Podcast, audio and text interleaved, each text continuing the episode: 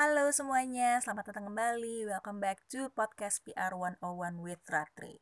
Jadi gimana nih libur lebaran kalian yang cukup singkat alias cuma dua hari? Apakah masih mengunjungi sanak saudara kah walaupun sambil social distancing atau malah lebih sering zoom call atau video call satu persatu gitu? Wah kalau gue sih yang terakhir sih. Gak nanya juga bu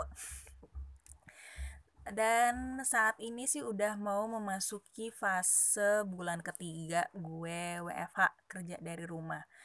And when I look back, salah satu hal yang paling sering menyita waktu gue selain mesti pitching dan kerja, terus juga sesekali ngelakuin hobi, adalah ikutan kelas-kelas atau webinar. Nah, kalau misalkan sebelum-sebelumnya gue ikutan webinar sebagai peserta kebanyakan, mulai dari um, apa namanya berbagai komunitas atau atau platform uh, platform kreatif misalkan kayak Getcraft atau Glance gitu gue juga lumayan sering ikut.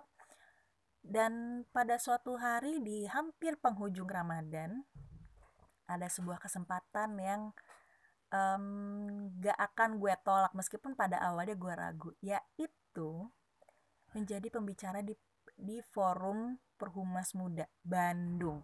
Wah, lah jauh banget. Gue kan tinggal di Ciputat ya rakyat Ciputat Jati. Tapi bisa-bisanya ngisi webinar sekalinya iya di untuk Perhumas Muda Bandung. Wow crazy juga nih teorinya. Awalnya gini mantan klien gue namanya namanya Adel. Halo Adelina Kompriana. Um, suatu pagi nelpon gue nanya mbak tanggal 21 kosong nggak kenapa dia uh, kosong sih dia kenapa? Ini mbak kan dulu aku kan ikutan perumas Bandung nih. Terus mereka mau ngadain PR Club dan mereka tuh lagi nyari pembicara tapi dari segi praktisi. Awalnya sih mau mau nyaranin yang lain cuma kok gue kepikiran top of malah lu gitu. Ah serius dia? Iya dan ketika gue kasih tahu re rekomendasinya mereka tuh kayak seneng. Oh ya udah nggak apa-apa ayo aja gitu akhirnya singkat cerita gue kontak-kontakan lah sama Sharon. Halo Sharon dari Komite Perhumas Bandung untuk ngobrolin segala detailnya. Dan ketika gue tanya siapa yang jadi pembicara? Ya, barengan sama gue jadi jadi pembicara dan moderatornya siapa gue cukup takjub gitu. Karena dengan kapasi kapabilitas gue di lapangan kerja sekarang sama mereka itu jauh banget kayak langit sama bumi gitu. Dan gue juga jujur sempet agak minder pada awalnya. Karena gila bo yang satu profesor eh, profesor guru besar komunikasi di Unisba yang satunya PR dari Bio Farma wow how awesome is that man compared to me? But anyway nggak ada waktu lagi untuk membanding-bandingkan diri sendiri sama orang lain karena gimana pun juga ini kesempatan emas gue untuk sharing lebih banyak ilmu ke forum yang lebih luas perhumas pula yang bahkan gue nggak pernah kebayang akan bisa masuk ke situ meskipun gue bu bukan anggotanya perhumas. It really was a, a great a great chance a good session it a good session di mana gue nggak hanya membagikan materi tetapi juga gue belajar lagi gue kayak kuliah lagi jujur. Serius karena memang topik yang diangkat itu kan bagaimana teman-teman mahasiswa itu teman-teman mahasiswa anak-anak muda khususnya di khususnya mahasiswa komunikasi public relations pula mesti bisa bertahan dalam menghadapi the new normal ini. Nah, nah pada saat pada saat uh, Profesor Neni menjelaskan itu rasanya gue kayak masuk ruang kuliah lagi bu rasanya tuh udah kayak 10-9 tahun lalu gue kayak ke kampus habis itu gue nerima materi dari dosen. Dan jujur ketika beliau menerangin gue nyatet. Dan masih nyimpen pula catatannya gitu karena karena sejak gue ikutan rajin ikutan kelas atau webinar itu gue selalu nyatet. Barang karena barangkali ada ilmu uh, bahkan ide yang bisa diimplementasikan ke strategi-strategi selanjutnya atau mungkin uh, even better bisa gue bagi lagi dengan dengan uh, pemahaman gue yang sebenarnya masih terbatas ini. Nah, gue untuk pertama untuk awalnya gue sharing dulu apa yang gue dapat dari dari Profesor Neni di forum PR Clubnya Perhumas Bandung ini nih.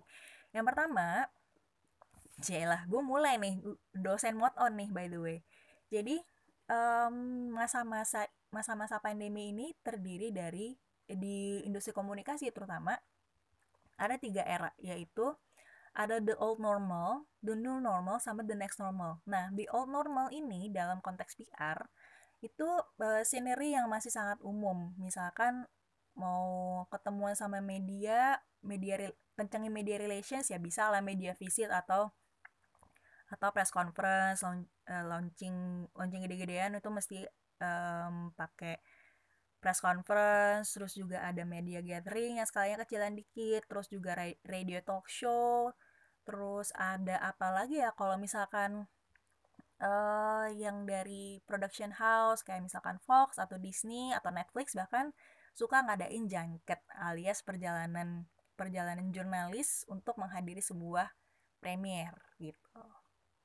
Gitu atau misalkan menghadiri sebuah rangkaian acara dari sebuah saga yang gede. Misalkan kayak Endgame kemarin tuh si Marvel. Nih Marvel kemarin eh deng uh, sama Sony juga deh waktu waktu tahun lalu.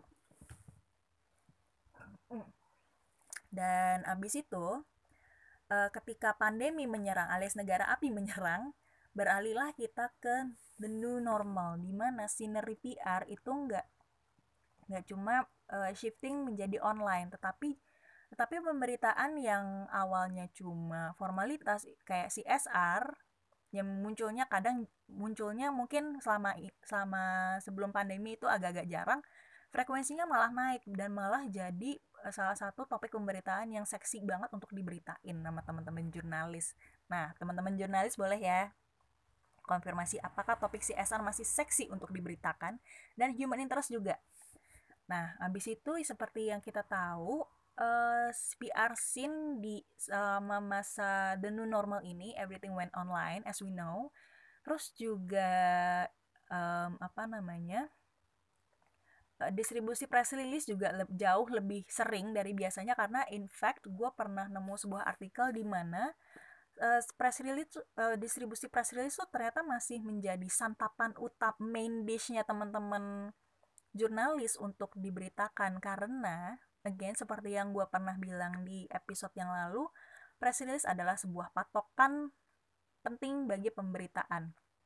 Dan patokan pre, eh, pres, dan statement ini tuh nggak cuma berlaku untuk teman-teman jurnalis tapi juga tapi juga teman-teman blogger yang memang butuh uh, patokan untuk un, ya patokan yang lebih pemberitaan yang lebih jauh detail yang lebih padat untuk diperkaya lagi di blog atau konten mereka yang lain gitu nah udah gitu nih di PR scene di PR scene selama COVID-19 ini gue menemukan sebuah um, apa namanya cara baru yang sebenarnya menarik nih. Gue ambil contoh si Permata Bank di mana um, ini correct me if I'm wrong ya kalau misalkan ada tim PR-nya Permata Bank yang dengar si Permata Bank itu punya punya mobile banking dan mungkin targetingnya adalah anak muda. Nah, gimana caranya supaya mereka-mereka ini tertarik nih untuk menggunakan layanan menggunakan layanan eh, mobile bankingnya si Permata Bank.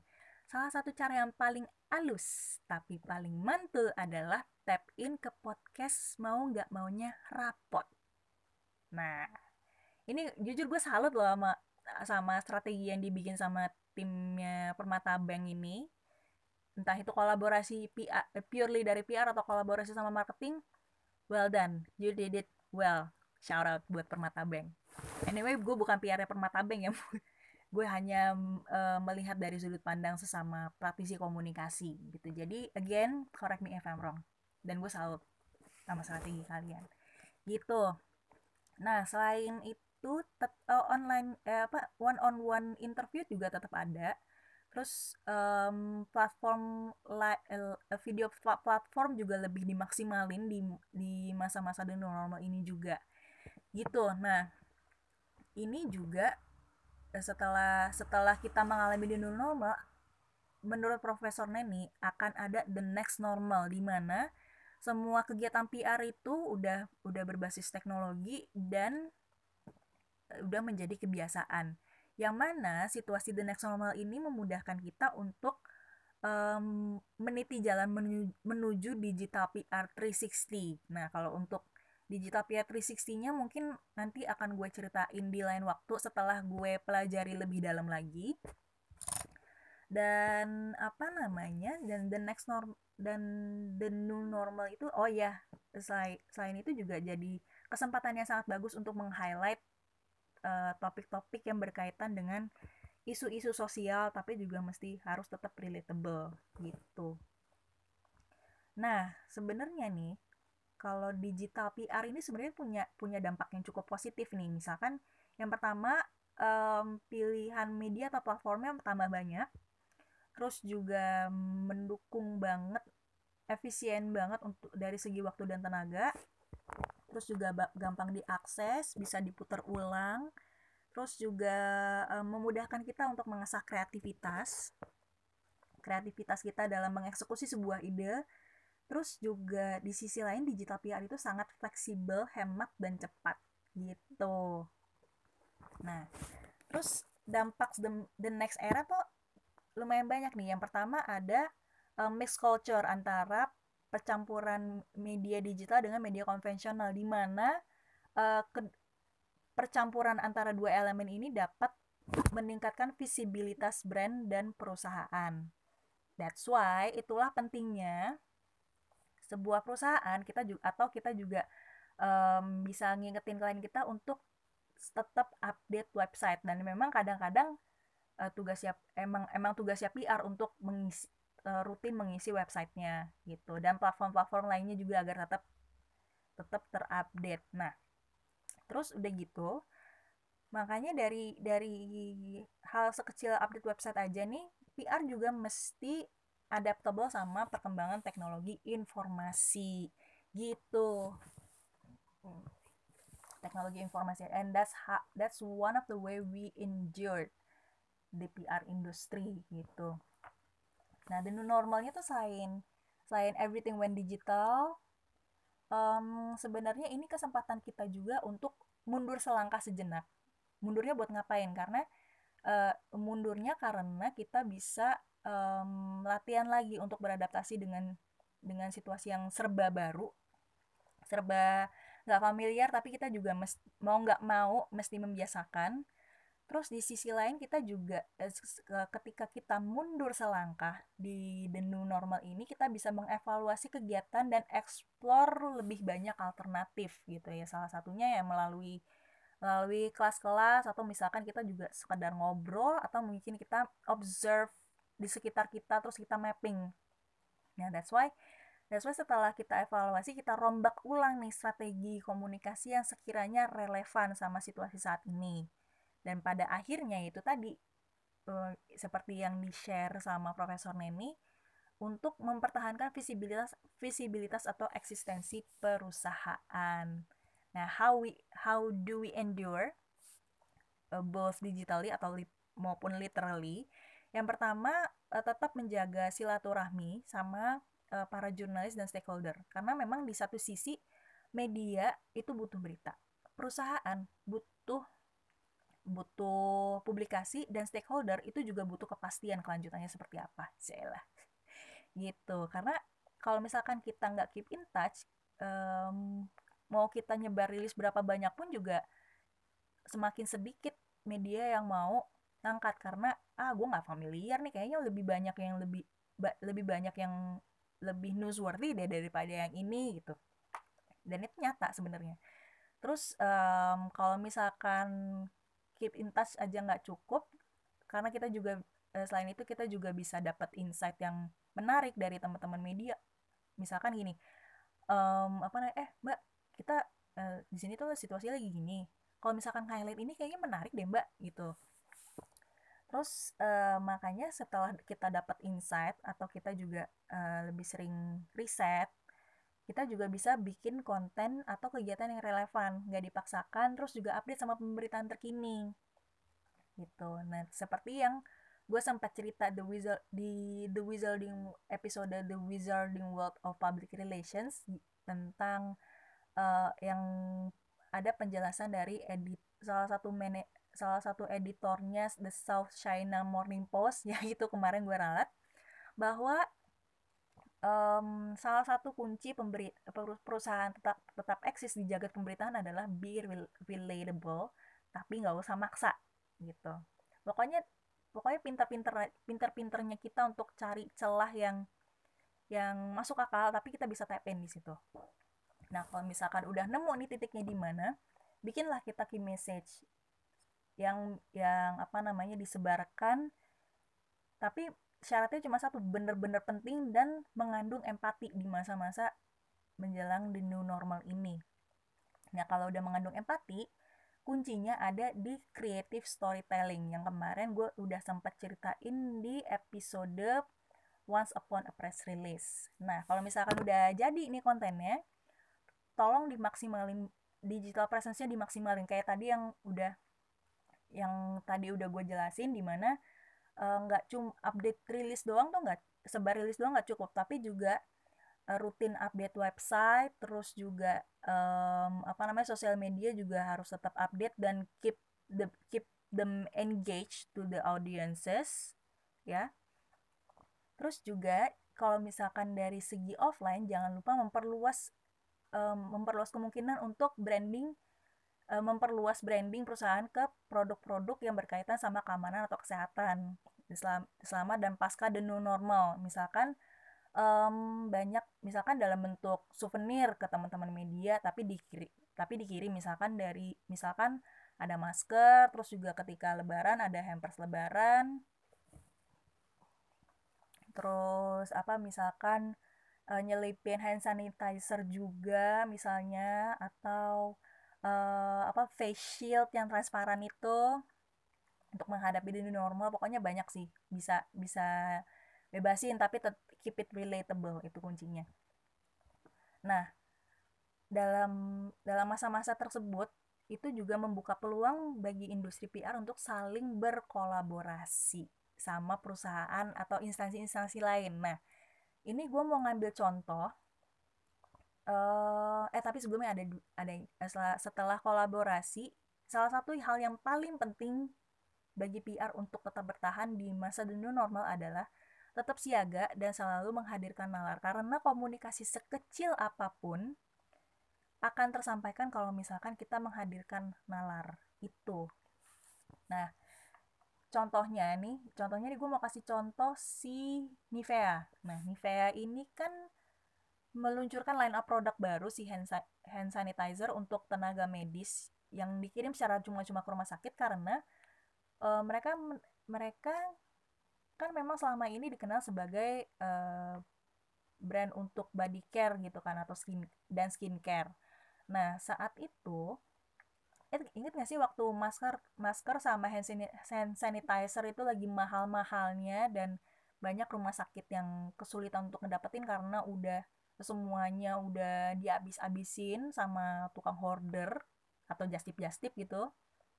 Nah, si Nivea ini menggunakan kesempatan untuk meluncurkan produk baru untuk um, apa khusus untuk tenaga medis gitu dan apa namanya dan it works karena satu itu mengandung empati dua uh, mereka hadir sebagai solusi gitu dan menunjukkan uh, simpati mereka simpati mereka untuk uh, teman-teman tenaga medis. Itu bagus banget sih kampanyenya dan satu lagi gue mau ngangkat si campaign collaborationnya Indosat. Itu kayak si campaign gede udah berlangsung dari tahun lalu kalau nggak salah ya. Dan kalau misalkan tahun lalu itu gue cuma ngelihat dari kacamata nano influencer atau atau, atau micro influencer nah sekarang ini cakupannya lebih luas lagi di mana mereka tuh nggak cuma ngajakin nano influencer dan micro influencer untuk kerjasama bikin konten dan segala macam tapi juga um, ngadain konser dari rumah aja. Nah itu sempat live tuh di twitter dan itu mengadain penyanyi penyanyi kondang lah kayak kayak Yura Yunita sama Kunto Aji di antaranya. Udah gitu mereka juga bikin web series. Masih turunannya collaboration. Dan itu menurut gue wow salah satu campaign gede yang yang sebenarnya versatile juga sih. Cuma bisa cuma ya sangat adaptif karena memang target target mereka juga anak muda.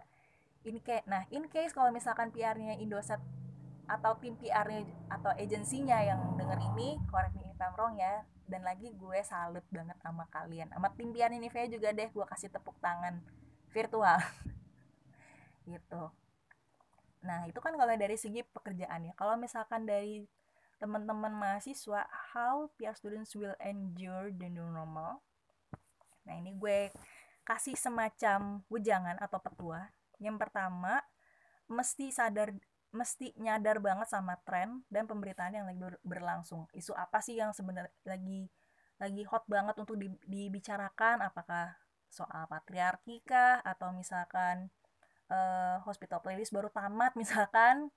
Terus kalau misalkan udah kayak gitu langsung kaitan dengan kaitkan dengan perspektif komunikasi. Nah, gue ambil contoh sih hospital playlist nih. Karena itu kan masih fresh banget ya, terus menguasai trending topik pula di Twitter dua hari terakhir gitu kan dari kemarin dari kemarin karena memang episode terakhirnya tayang kan nah kalau kalau misalkan udah kayak gini nih dikaitin sama perspektif komunikasinya kom, uh, hospital playlist di mana di satu sisi di media di media sosial engagement pasti tinggi banget. Terus yang diberitakan ada hal pertama yang diberitakan selain um, para castnya saying goodbye adalah rating episode terakhir. Oh ini nih uh, apa namanya media media bahkan netizen kan juga terobsesi sama data. Bakal tertarik auto nengok kalau misalkan ada data. Nah si TVN dan Netflix itu juga udah uh, menyediakan data itu untuk di share ke teman-teman media. Rating akhir hospital playlist itu berapa? Dan peringkatnya di untuk uh, periode sekian itu hospital playlist dapat peringkat berapa? Terus cashnya ngapain aja? Akan akan ada kelanjutan kegiatan apa lagi nih sambil nunggu season kedua? Nah kayak gitu kayak gitu uh, perspektif komunikasi yang kemungkinan bisa dilakukan ditemukan. Nah abis itu nggak ada salahnya juga nggak ada salahnya juga again karena menurut gue fase-fase seperti ini tuh it's a good time it's a good opportunity for you to learn all over again. Makanya webinar ini tuh gue rasanya kayak masuk kuliah lagi sih jujur. Gitu dan apa namanya jangan lupa ikut kelas webinar pokoknya dan yang paling simple ngikutin akun-akun yang insightful dan relevan ke topik public relations. Nah, kalau misalkan semuanya udah dapat nih ilmu udah, terus perspektifnya udah, isunya juga udah, jangan lupa dianalisis dan bikin strategi yang kira-kira bakal dilakukan dan bakal dilakukan. Misalnya nih, again back to hospital playlist kalau gue jadi PR-nya PR-nya TVN nih yang memang ngandel yang memang um, menghandle si hospital playlist mungkin gue akan bikin sesi IG live sama castnya gitu satu persatu. Terus misalkan Q&A session misalkan sama Yuyun Sok gitu. Terus uh, edisi tebak lagu sama Jujung Sok gitu. Jojo Jojong Sok gitu misal misalnya gitu ya. Itu kegiatan yang sekiranya nggak cuma naikin berita tapi juga engagement di media sosial gitu. Nah last but not least and the most important thing is put the PR elements into your DNA serius I mean it. Karena gini waktu tahun ke berapa ya? Tahun kedua gue kerja di Talklink Baria tuh pernah ngomong sama gue um, kamu tuh mes kamu mesti uh, put the put the PR into your DNA karena gimana pun juga PR itu nalar misalnya nah kalau misalkan udah kayak gitu nih suka ke suka ke bawah-bawah sendiri nih. Gitu. Nah dan waktu itu ini ini yang ini cara yang gue lakukan. Misalkan uh, latihan ngomong atau nulis diplomatis. Nah ini ini penting nih. Gak cuma da dari konteks untuk konteks profesional ya tapi juga bisa juga untuk sehari-hari gitu. Misalkan uh, gimana sih ngomong nyampein hal yang sebenarnya lo nggak enak tapi mesti disampaikan dengan cara yang uh, sekiranya masih pantas dan acceptable gitu. Nah kalau udah lat sembari latihan ngomong atau nulis secara diplomatis bisa juga dilakukan dengan cara baca berita menyeluruh. Dalam arti benar-benar menyeluruh dan mengutip dari semua sisi. Nggak cuma satu nggak cuma dua tapi semua sisi. Itu penting banget itu penting banget supaya kita tuh bisa mindful untuk nge-share berita apa yang um, akan berita apa yang kita baca worth it nggak untuk disebarluaskan gitu dan dampaknya akan seperti apa. That's why ketika kita baca berita kita tuh mesti jeli banget mendeteksi hoax yang yang um, kemungkinannya ada di berita itu regardless the media regardless med itu media tier 1 kayak atau misalkan atau misalkan tier 3 yang kecil-kecil yang yang kemungkinan tuh isinya juga bodrek nah kita bener enggaknya mesti kita telusuri secara menyeluruh. Toh itu juga udah ada platform turn back hoax juga kan dan jangan jangan ragu-ragu kalau untuk menemukan hmm, hoax gitu. Nah again kalau misalkan udah jeli nih mesti nemu sudut pandang komunikasi yang tadi kayak gue bilang terus tahu apa yang di highlight di berita itu. Misalnya nih misalnya again nih balik lagi ke hospital playlist misalnya. Aduh mohon maaf nih ngomongnya hospital playlist mulu gue saking senengnya nih.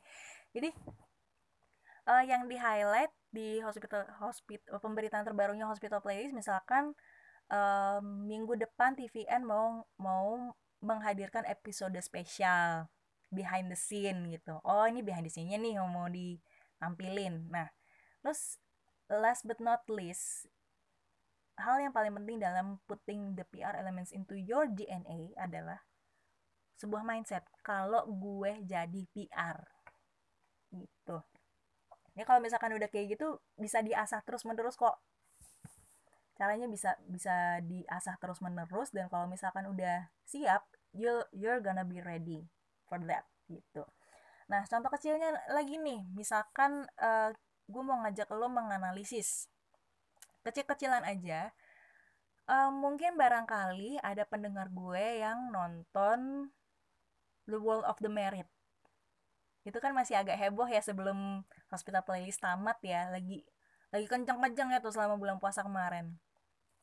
Memang yang di highlight kebanyakan adalah uh, skandal perselingkuhannya Liteo Liteo suaminya dokter Ji tapi ketika gue ngeliat lebih jauh lagi oh ternyata dokter Ji itu nggak cuma sekedar dokter unggulan tetapi juga brand ambassador rumah sakit. Nah kalau misalkan di di kota kecil abis itu everyone everybody knows everybody kasusnya kasus eh, skandal perselingkuhannya yang dialami sama dokter Sonwoo ini kan pasti waduh ini udah udah bikin pemberitaan si rumah sakit ini tuh bener-bener kacau gitu. Nah yang terlintas di di otak gue adalah gimana ya tim komunikasinya rumah sakit cinta keluarga atau eh, rumah sakit cinta keluarga dalam menghadapi uh, krisis ini? Ini masuknya ada krisis malah yang pertama mungkin yang kepikiran adalah um, nyari testimoni dari rekan sejawat terus pasien-pasiennya dokter dokter Ji Sonwoo tentang uh, personalitinya gimana sih profesionalismenya dalam um, menjalani karirnya sebagai sebagai dokter atau yang lebih halus lagi ini gue jujur baru banget kepikiran. Bikin talk show tentang bagaimana uh, perempuan harus bisa menjaga kondisi mentalnya. Ketika dihadapkan dengan masalah yang berkaitan berkaitan dengan psikologis mereka gitu. Dan dan bisa juga ngundang psikolog yang ada di rumah sakit cinta keluarga itu. Terus akan lebih bagus lagi bisa kalau misalkan dilakukan ketika dokter Ji sudah sepenuhnya pulih. Jadi dia bisa sharing pengalamannya tanpa dia tanpa dia menutup-nutupi apa yang terjadi sama dirinya gitu.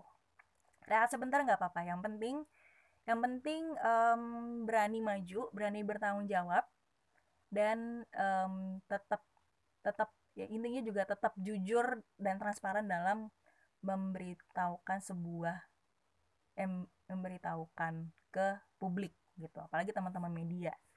Nah itu juga perlu disiapin juga um, brief uh, talking pointsnya apa aja yang boleh di highlight sama dokter G apa aja yang sebaiknya dihindari sama dokter G men gue mikir sampai segitu.